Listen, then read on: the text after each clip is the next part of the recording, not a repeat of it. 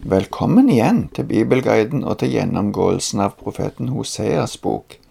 Sist gang gjorde vi oss ferdig med det som er første del i denne boka, der det går på Hosea sitt liv og familie som en del av det profetiske budskapet.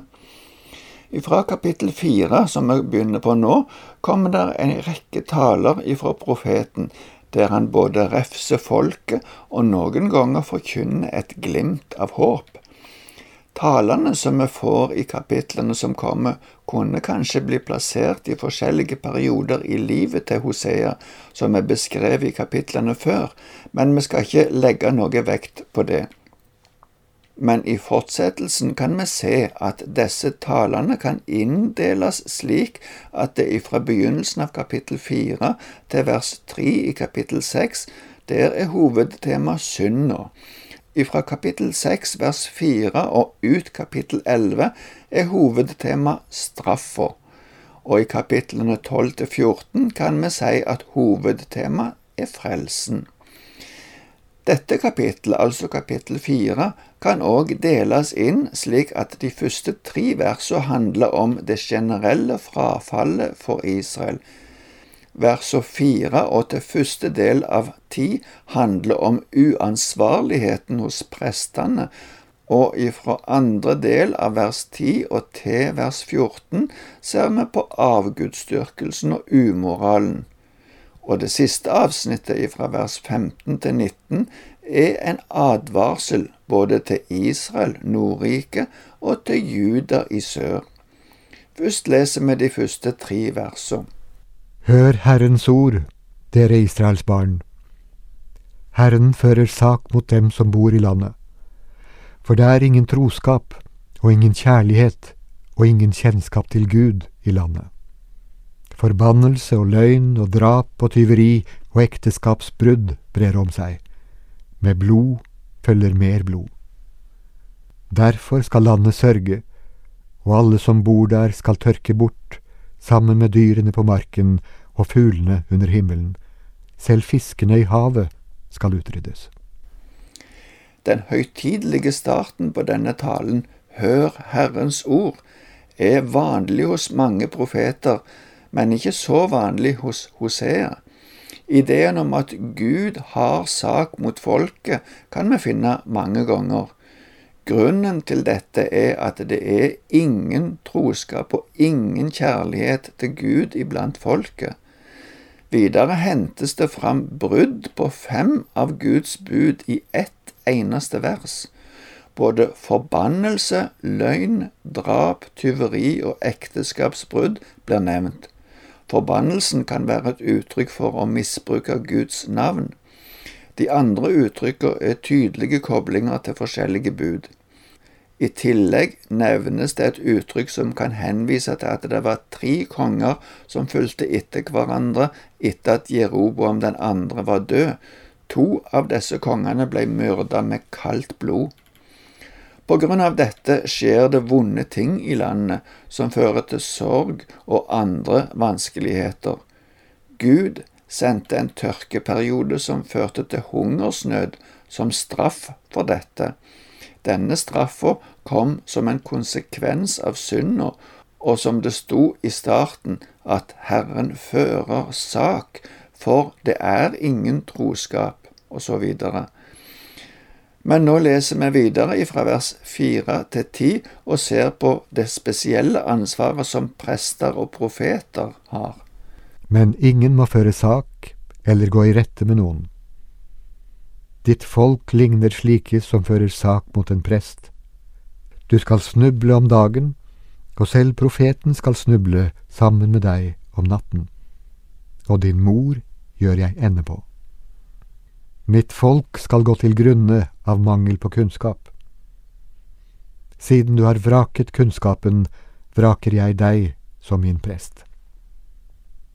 Du glemte din Guds lov, derfor glemmer også jeg dine barn. Jo flere de ble, desto mer syndet de mot meg. Deres ære skal jeg bytte ut med skam. De lever av mitt folks synd og lengter etter deres skyld.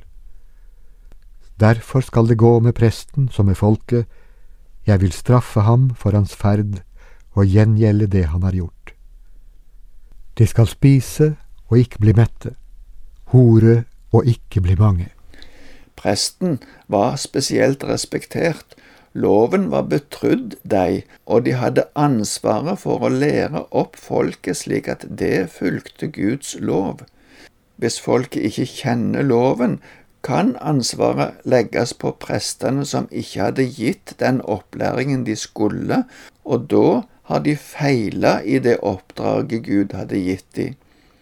Profetene hadde ansvaret for å rettlede og advare folket når de ikke fulgte loven.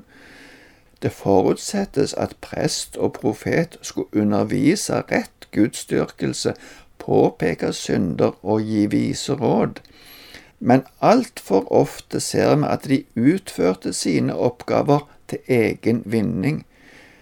Det som sies her om å snuble om dagen eller natta, handler ikke om at noen snubler om dagen og andre om natta, men er et poetisk uttrykk for at det skjer stadig vekk. De glemmer eller lar være å følge Guds lov, og derfor snubler de. Konsekvensen vil òg bli at Gud vil glemme folket, eller la det gå sin egen vei. Hosea ser folket som at det allerede er ødelagt. Både for prestene og for folket skjedde det at jo flere de blei, og jo mer rikdom de fikk, jo mer hovmodige blei de, og de trodde at det var deres egen innsats som hadde gitt de alt dette. De hadde ikke bruk for Gud. At de lever av folkets synd, kan være en hentydning til at ofringene som folket kom med, tok presten til seg som sin egen eiendom. De er dårlige ledere for folket. I stedet for å lede folket til Gud, går de med folket til undergangen. I fortsettelsen ser vi litt mer om hvordan denne avgudsdyrkelsen og utroskapen foregår. Vi leser videre ifra andre halvdelen av vers 10 og til og med vers 14. Herren har de forlatt for å gi seg over til hor, gammel og ny vin overtar hjertet. Mitt folk spør sitt tre til råds og forsvar av sin stokk for en horeånd har ført dem vill, de har horet seg bort fra sin Gud. På fjelltoppene ofrer de, på haugene tenner de offerild, under eiker, popler og terebinter, for skyggen av dem er god. Derfor driver døtrene deres hor, og svigerdøtrene bryter ekteskapet. Jeg vil ikke straffe døtrene deres fordi de driver hor, eller svigerdøtrene fordi de bryter ekteskapet for mennene går avsides med horer og ofrer sammen med tempelprostituerte kvinner. Et folk uten innsikt vil falle. Et folk uten innsikt vil falle, sier Hosea.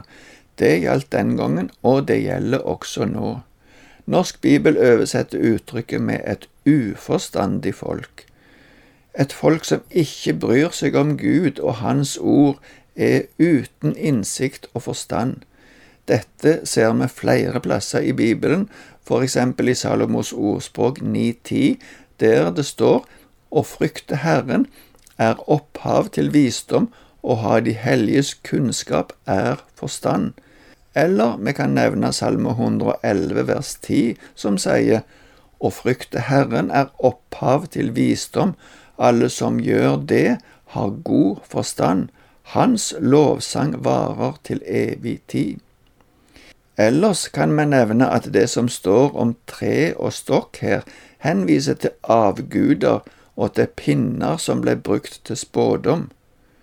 Hor i denne sammenhengen er først og fremst at de har forlatt den rette gudsdyrkelsen, og at det foregår seksuelle utskeielser i forbindelse med avgudsdyrkelsen. Både kvinnene og mennene er med på dette. Etter at Hosea har refsa det som skjer i Nordriket, Israel, advarer han særlig Juda, men også Israel om at de ikke må gjøre dette. Vi leser resten av kapittelet fra vers 15.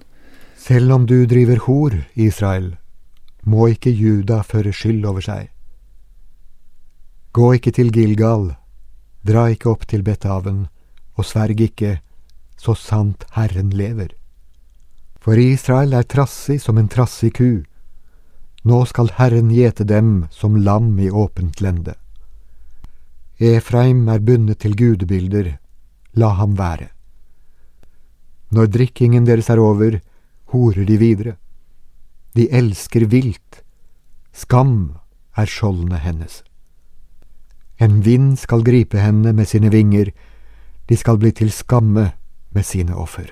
For Nordriket ser det ikke ut til å være noen vei tilbake, men derfor ønsker Hosea å advare Juda om at det ikke følger etter det som Israel i nord gjør.